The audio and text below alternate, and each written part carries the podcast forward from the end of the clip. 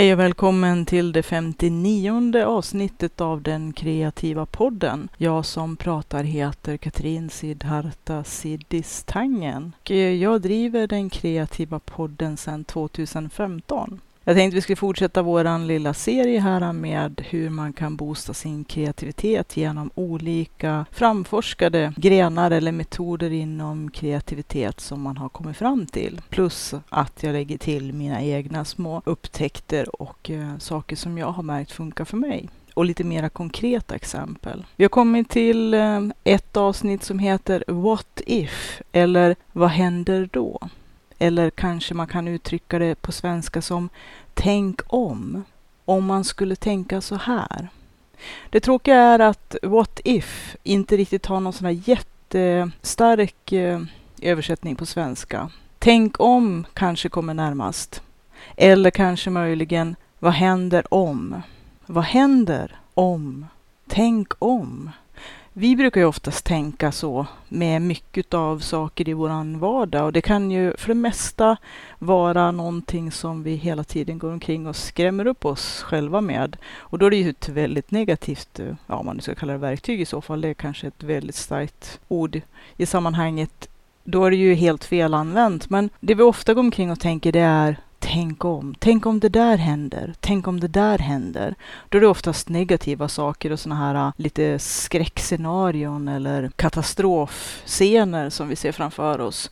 Vi kreativa människor har en väldigt stark inlevelseförmåga som är bra till mycket, speciellt om man vill arbeta kreativt på olika sätt som kanske författare eller artist eller som målare eller som illustratör eller serietecknare eller entreprenör. Det finns vissa sidor av den här inlevelseförmågan och den här äh, fantasirikedomen och den här drivkraften att hitta på nytt och vara kreativ som är kanske vi ska kalla det för den mörka sidan eller den svarta sidan och det är ju den här äh, tänk om. Och då tänker vi oftast att huset ska brinna upp eller chefen ska säga upp oss eller någonting hemskt ska hända som absolut inte får hända. Jag är specialist på att gå omkring och tänka på saker som absolut inte får hända. Så nu har jag faktiskt börjat räkna varje tillfälle som jag tänker en katastroftanke. Och det här är kanske lite negativ början på en podd om kreativitet, men jag tänkte att det, vi kan ju börja med den svarta sidan som jag tror att alla kan känna igen och identifiera sig med. Jag som problemlösare som alltid har jobbat med att lösa problem i olika kapaciteter i och med mitt yrke och mina olika fritidssysselsättningar och mina hobbys. Jag har ju alltid använt tänk om. Inte så mycket för att eh, måla upp eh, krisscenarion eller katastrofer. Inte i alla fall i mitt yrkesliv som, eh, som reparatör, mer än att kanske förutsäga ifall att saker och ting skulle kunna vara potentiellt farligt eftersom att jag jobbar ganska mycket med säkerhet också. Då naturligtvis måste man ju tänka fram alla tänkbara scenarion och parallella utvecklingskedjor och händelser för att kanske eventuellt kunna förutse eller förutsäga eller förekomma saker som man vill förebygga eller förhindra. Att göra någonting idiotsäkert, det är helt omöjligt. I min kapacitet av problemlösare i yrket så har jag sällan använt tänk om som en eh, katastrofscenario utvecklingsverktyg mer än som sagt i säkerhetssammanhang. Då har det mer handlat om att försöka räkna ut varför en maskin uppför sig väldigt konstigt eller varför ett visst fel uppstår. Och jag tar här lite konkreta exempel eftersom jag tycker att det är lite lättare att komma in i det här med what if eller vad händer eller tänk om, tänk om det händer. Utan att kanske bara sikta in sig på de negativa aspekterna utav vad händer om, tänk om. Jag hade en lärare i skolan, en eh, tillsynslärare som var ganska skarp och han hade väl hört alla tänk om från alla ungdomar som han hade jobbat med. Tänk om det händer och tänk om det händer och tänk om det händer och tänk om det händer.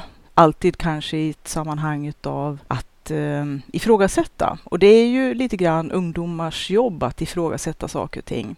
I förra avsnittet så pratade jag lite grann om att bryta mönster. Att ifrågasätta saker och ting är ju också att bryta mönster. Att titta på den här aspekten What if? Vad händer om? Eller tänk om. Nu hade väl kanske den här tillsynsläraren som jag hade tröttnat på ganska många av de här ungdomarnas tänk om, tänk om det är lite grann som när barn frågar varför, som jag också pratat om i den här serien, att fråga sig själv varför i långa kedjor kan vara extremt bra för att belysa just det man vill åstadkomma, att se hela problemet i sin helhet och kanske inte gå på det första som verkar mest eh, uppenbart kanske, som en, en lätt fälla att gå i. Men att fråga varför och sen när man har ett svar, fråga varför då? Varför då? I, I alla fall i fem eller sju led.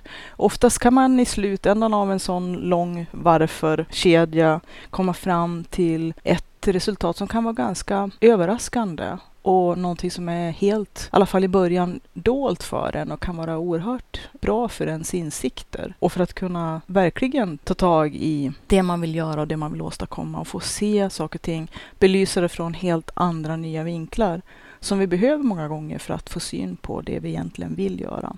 Och att hitta lite out of the box tänkande och annat sätt att lösa saker och ting på. Komma fram till det här nyskapandet, det här nytänkandet. Att mixa och kombinera saker och idéer till helt nya saker som inte har funnits förut. Det är ju kreativitet i sitt nötskal. Men att eh, det här att ställa långa frågor med varför kan ju då kompletteras med tidigare också tekniker som jag har tagit upp i den här serien, som det här med tänka tvärtom, motsatstänkande eller omvänd psykologi. Det beror på vilka områden man arbetar inom. Allt det här går ju ganska mycket ihop i varandra, även om att man kan renodla de här olika grenarna. Det är därför jag har gjort ett avsnitt om varje gren helt enkelt. Och i det här avsnittet så handlar det om what if. Men som man märker med de här olika teknikerna inom kreativitet så, så går de ihop ganska mycket. Liksom de här äh, tidigare nämnda avsnitten när det gäller what if, tänk om, kan man som sagt kombinera ihop med fördel. Men också då de här tidigare avsnitten som har handlat om eh, anteckna och drömmar och dagdrömmeri och slumpen. Att eh, de kan man nästan kanske dela in i lite egna grupperingar. Och eh, What If skulle jag vilja dela in i en gruppering tillsammans med tvärtom-tänkande eller det här med frågor, att ställa sig frågor varför. För att egentligen, what if är ju faktiskt en fråga. Så att lite grann är det väl nästan kanske en undergrupp till fr frågor som var i ett tidigare avsnitt. Gå gärna tillbaka och lyssna på de avsnitten. Men eh, What If i sig är en så kanske specificerad teknik.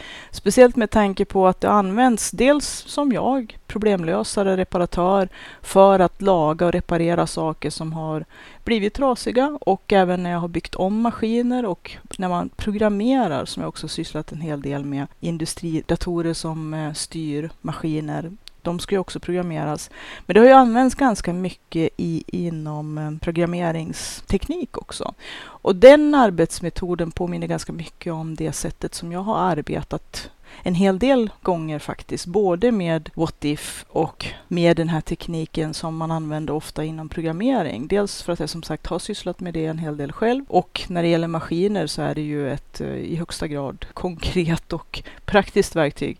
Det är för att eh, få reda på mera information. Och då kan man göra det genom att till exempel ställa in extremvärden. Inte att rekommendera hemma om man experimenterar inte med det här om du inte vet vad du gör. Men att eh, som Ehm, reparatör och att bygga maskiner, bygga om maskiner och även nykonstruera maskiner och programmera så kan det vara det att om ett system inte uppför sig som man har tänkt sig så kan det vara ett väldigt bra verktyg att ställa in extremvärden för de olika parametrarna. Och genom att göra det så kan man komma fram till ganska nya insikter och framförallt så kan man få se saker, få syn på saker som man inte tidigare har sett.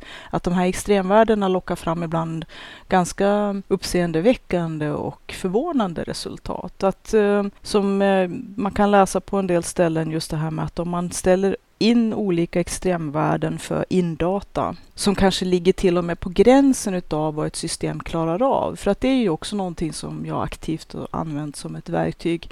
Att om man hela tiden försöker se vad som händer om man triggar systemets eh, hårda gränser eller de yttre gränserna. Igen är det här ingenting man ska experimentera med på egen hand om man absolut inte vet vad man håller på med, för då kan det gå väldigt illa. Men eh, när man programmerar datorer då kanske, i alla fall hoppas jag, inga personskador ska behöva uppstå.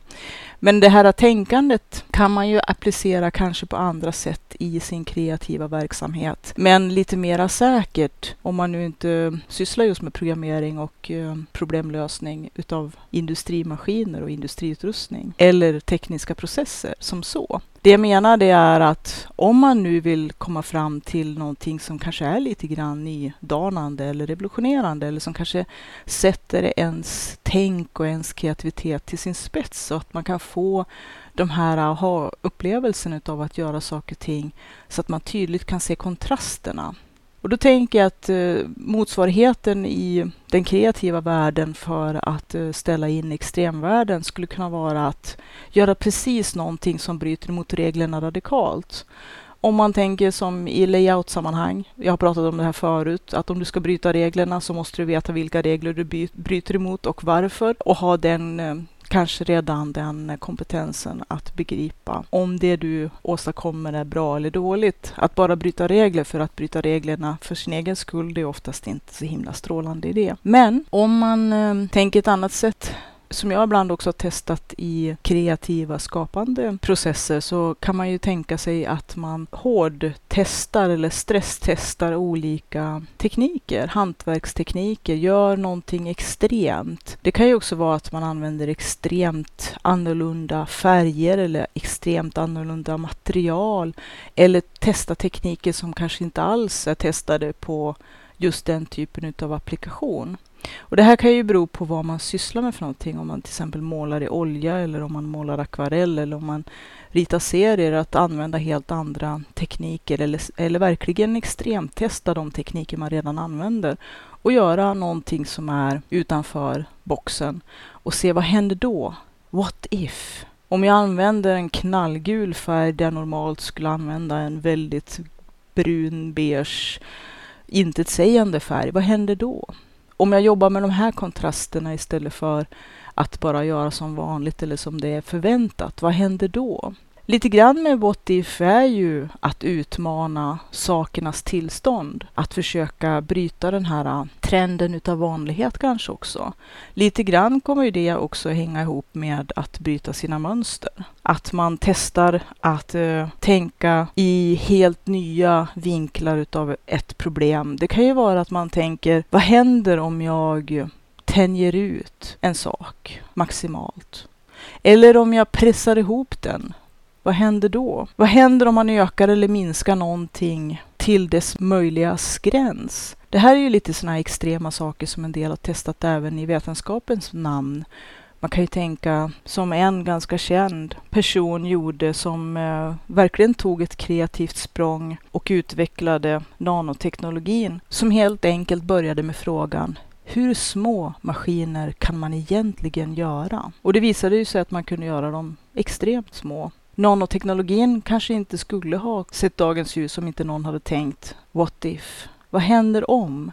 Och kan man, eller vad kan man göra? På den möjligas gräns. Eller helt enkelt tänka i extremer. Tänka tvärtom, tänka i extremer och tänka i motsatser det är väl kanske lite grann nyckeln i det här what if. Vad händer om? Det kan ju också vara när man författar att normalt kanske det och det skulle hända i en story. Men tänk om jag gör precis så här som är absolut tvärtom och som det absolut aldrig brukar vara. Om man utmanar både sig själv och kanske sin läsare eller mottagares sinnen på något sätt som är nytt. Fortfarande så vill man ju att det ska leda till ett positivt resultat. Så att man får ju vara beredd på många misslyckanden. Och lite grann har jag ju pratat, eller ganska mycket har jag pratat om det här med vitsen och vikten utav att misslyckas. Att experimentera sig fram till nytänkande är ju grundbulten för att få ny information. Gör man bara som man alltid har gjort så kommer ju inte mycket att hända och man kommer inte få någon ny information. Så därför måste man ju experimentera och på vägen misslyckas. Och att misslyckas har ju en väldigt negativ klang som jag tycker är synd eftersom att misslyckas. Det är någonting som jag har berättat om när vi har kört våra arkeometallurgiska experiment. Vikten av att misslyckas, kanske inte med flit, men att vi också testar faktiskt att använda en hel del extremvärden. Vad händer om vi kör så här? Vad händer om vi använder det här? Vad händer om... Och så testar vi det. En parameter i taget. Och då genom att vrida ett reglage i taget till olika, kanske extremlägen, så får man en hel del massa ny information som man annars aldrig skulle få.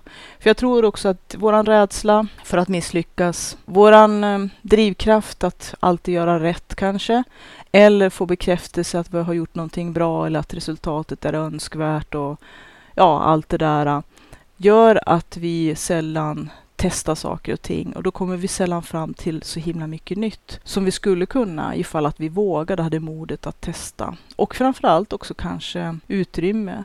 Men främst tror jag det utrymmet måste skapas av oss själva, med oss själva, för oss själva. Det är ju inte någon annan egentligen som ställer alla de här inre kraven på oss som vi själva gör. Att vi måste vara så perfekta och att allting måste bli så bra och att allting måste bli blaha blaha. Den gamla vanliga visan som jag pratat också en hel del om i den här kreativitetspodden. Vi måste våga skruva lite på reglagerna. Att använda what if-metoden, kanske inte vara så rädd. Och som någon har sagt, ofta så händer de oväntade sakerna när vi gör de här experimenten, när vi vågar misslyckas, när vi kanske vågar ställa in extremvärden, när vi kanske vågar testa det oväntade eller kanske bara att vi vågar testa någonting nytt. Om vi inte testar någonting nytt, då lär inte mycket nytt hända och inte mycket ny information dyka upp heller. Men det man också har märkt är att komplexitet verkar frodas vid gränslinjen mellan det möjliga och det omöjliga. Och det tycker jag är en väldigt intressant och kreativ tanke som man kan eh, meditera en hel del kring. Jag tänkte att eh, det kunde du kanske göra på din kammare, att fundera lite grann över det. Och över de oväntade saker som kan hända ifall att du vågar testa att fråga vad händer om? Eller tänk om. Nu har jag ju igen inte lyckats komma fram till det som min tillsynslärare sa när jag gick i högstadiet det här med att alla eleverna hela tiden sa men tänk om. Ja, jo, men, men tänk om. Ja, jo, oftast med massa invändningar, men tänk om. Och han var ganska trött på det här tänk om. Så han sa vid flera tillfällen att om fanns och tänk om fanns, då skulle jag vara gubben i månen. Men på samma gång, jag tror att ingen av oss skulle ha fått uppleva att människor hade vandrat omkring på månen om inte någon hade tänkt Tänk om man kunde resa till månen. Nu glömde jag också nämna namnet på han som sysslade med nanoteknologin.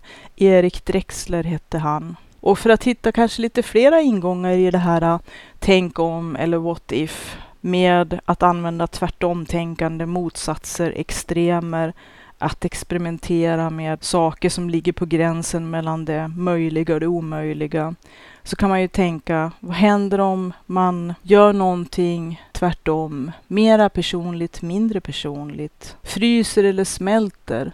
Gör det större eller mindre pressar ihop det eller drar ut det, utsätter det för kyla eller värme, målar det rött eller orange. Det kan finnas så himla många olika sätt. Göra det långsammare eller snabbare. Och tvärtom vad jag normalt brukar så tänkte jag försöka hålla det här avsnittet lite kortare. Eftersom att mycket av de här bitarna och komponenterna som finns i what if-tänkande eller tänk om finns mera omnämnt med flera detaljer och lite mera konkreta exempel om man går in i de tidigare poddavsnitten som handlar om frågor och tvärtom tänkande Kanske också diskontinuitet och slump. För ibland kanske vi har lite svårt att tänka utanför våra vanliga ramar som det här what if egentligen går ut på. Så att man kanske måste kombinera ihop de teknikerna som jag har pratat om tidigare för att kunna hitta sätt att skruva på de här olika parametrarna. Att hitta lite nya sätt att sätta saker och ting mot varandra. Lite grann kan man väl säga att what if är att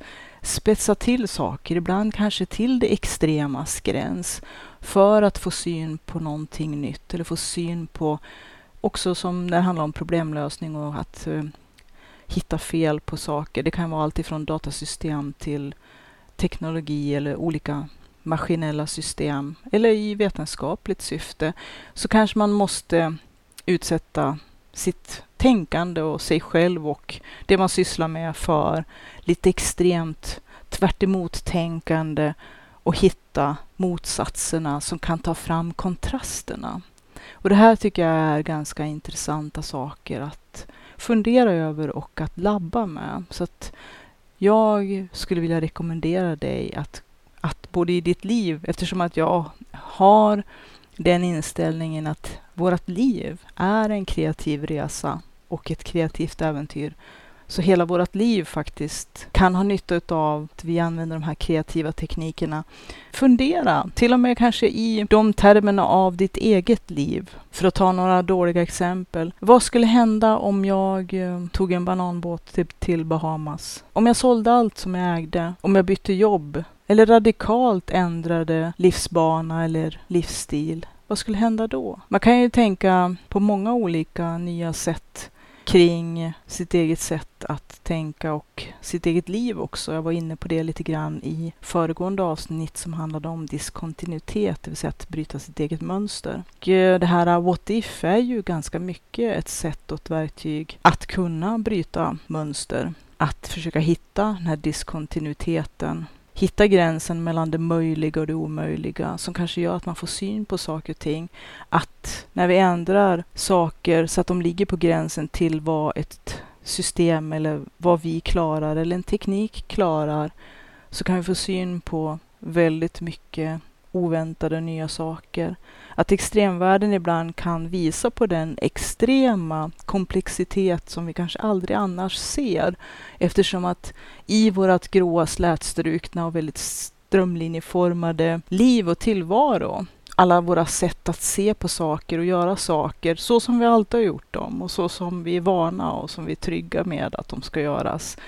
Det är ju ett är ju tyvärr ett stort hinder i den här, att utveckla den här kreativa blicken och att kanske utveckla sitt kreativa tänkande. Och att lite drastiska metoder ibland kan behövas. Men man kan ju börja i liten skala. Man behöver inte kasta allt över ända. Däremot så kan man ju i tanken och i teorin och som tankeexperiment och som tankelekar så kan man ju också syssla med mycket av det här what if eller vad händer då? Tänk om. Tänk om jag bodde på andra sidan jordklotet och sysslade med det här. Eller tänk om jag skulle, ja jag vet inte riktigt vad. Där får du fylla i dina egna uppgifter. Kanske sådant som skulle utmana dig jättemycket. Som du absolut aldrig skulle vilja. Tänk om jag skulle få 14 barn. Det är något som jag inte tror att jag skulle sträva efter. Men hur skulle mitt liv te sig då? Det kan ju vara ganska intressant att tänka på. Eller tänk om jag skulle förverkliga den här drömmen som jag haft i hela mitt liv, men som är hemlig. Tänk om jag skulle förverkliga mina hemligaste drömmar. Tänk om. What if? Vad skulle hända då? Skulle det vara så farligt? Eller skulle det vara så extremt? Och vad skulle det sätta till sin spets? Här skulle man ju kunna experimentera med sig själv ganska mycket. Och jag får nog eh, ta det som hemläxa för min egen del också. Tänka what if? Tänk om. Vad skulle hända om jag skulle förverkliga de här drömmarna? Eller den här drömmen som jag gått och närt i hela mitt liv. Eller min barndomsdröm. En dröm jag hade när jag var väldigt liten eller när jag var ett barn. Som jag sen när jag blev alldeles för stel och mogen och vuxen inte längre vågade tänka på eller ville tänka på. Eller kanske hade rationaliserat bort eller sopat undan, sopat under mattan kanske. Eller inte längre vill se för att den kanske gör för ont. Jag vet inte. Har jag några sådana drömmar? Som vanligt så verkar det som att en hel del utav kreativitetens kraft också lockar fram de här existentiella frågorna, åtminstone hos mig. Och då kan man ju knyta ihop den här säcken med det som jag började från början med, att kreativitetens kanske mörka baksida kan vara att vi har lätt vi som har mycket kreativt, kreativitet i oss, vi som är väldigt fantasirika, vi som hittar och ser nya saker på nya sätt. Vi ser också en del skrämmande saker och att eh, det här risken som jag, eftersom att jag till och med har börjat räkna antalet tillfällen, lite grann som den här tekniken som jag nämnde i början av den här poddserien, att få syn på och börja räkna sina negativa självtankar också de här katastroftankarna som ofta kan segla upp och skräckscenarion som i alla fall jag är specialist på, som jag tror att många kreativa människor, jag vet att Julia Cameron skriver och pratar ganska mycket om det här också, att vår förmåga att föreställa oss ibland gör snubbelben på oss själva och att vi kanske också måste hitta lite motmedel mot det. Och för mig har det blivit att jag numera faktiskt har börjat räkna. Att ibland har jag väl en hel dag kan gå innan någon av de här katastroftankarna eller skräckscenarierna om saker som kan hända eller gå fel eller som, ja, allt är det ju olyckor och massa otrevliga saker. Och då kan jag ibland tänka med ett inre leende, jaha, det var första idag. Och sen när nästa kommer, jaha, det var andra idag. Ibland vissa dagar så har jag ju helt hopplös och har hunnit redan innan jag har fått i mig morgonkaffe och räkna ut ett par, tre, fyra olika katastrofer. Alla de katastrofer som jag tänkt ut hittills, peppar peppar, har aldrig inträffat. Oftast är de väldigt, väldigt absurda och alldeles over the hill alltså. Helt så att om man skulle kunna använda och konvertera den kreativa förmågan till någonting användbart så skulle jag ju ha en kreat ett kreativitetsindex på flera miljoner eller så. Den kreativa förmågan att titta på katastrofer och en massa otrevliga saker och olyckor, den är ju helt obetalbar alltså och skulle kunna skjuta över trädtopparna hur lätt som helst. Det kanske också är en sak som jag skulle kunna ta med mig från det här poddavsnittet som bara dök upp just precis nu. Snacka om att det kanske är lite kreativt att ha en kreativitetspodd trots allt. Till och med för mig som jag trodde att jag hade faktiskt koll på alla tekniker. Men här så skulle jag kanske utmana mig själv att tänk om. Tänk om, what if? om jag skulle kunna, det räcker ju med att jag bara skulle kunna konvertera en väldigt liten del av den här äh, katastroftänkkraften och konvertera över den till kreativitetskraft som är användbar och göra någonting roligt och nyttigt som skulle kunna vara produktivt och bra, och trevligt och kul och kanske till och med gå och sälja. Hmm. Skulle nog förmodligen kunna utveckla både en och flera förmögenheter om jag skulle lyckas med det konvertera eller åtminstone styra eller försöka hålla nere de här negativa krafterna och lite grann den här kreativa baksidan som vi har. Att kunna se allt som skulle kunna hända.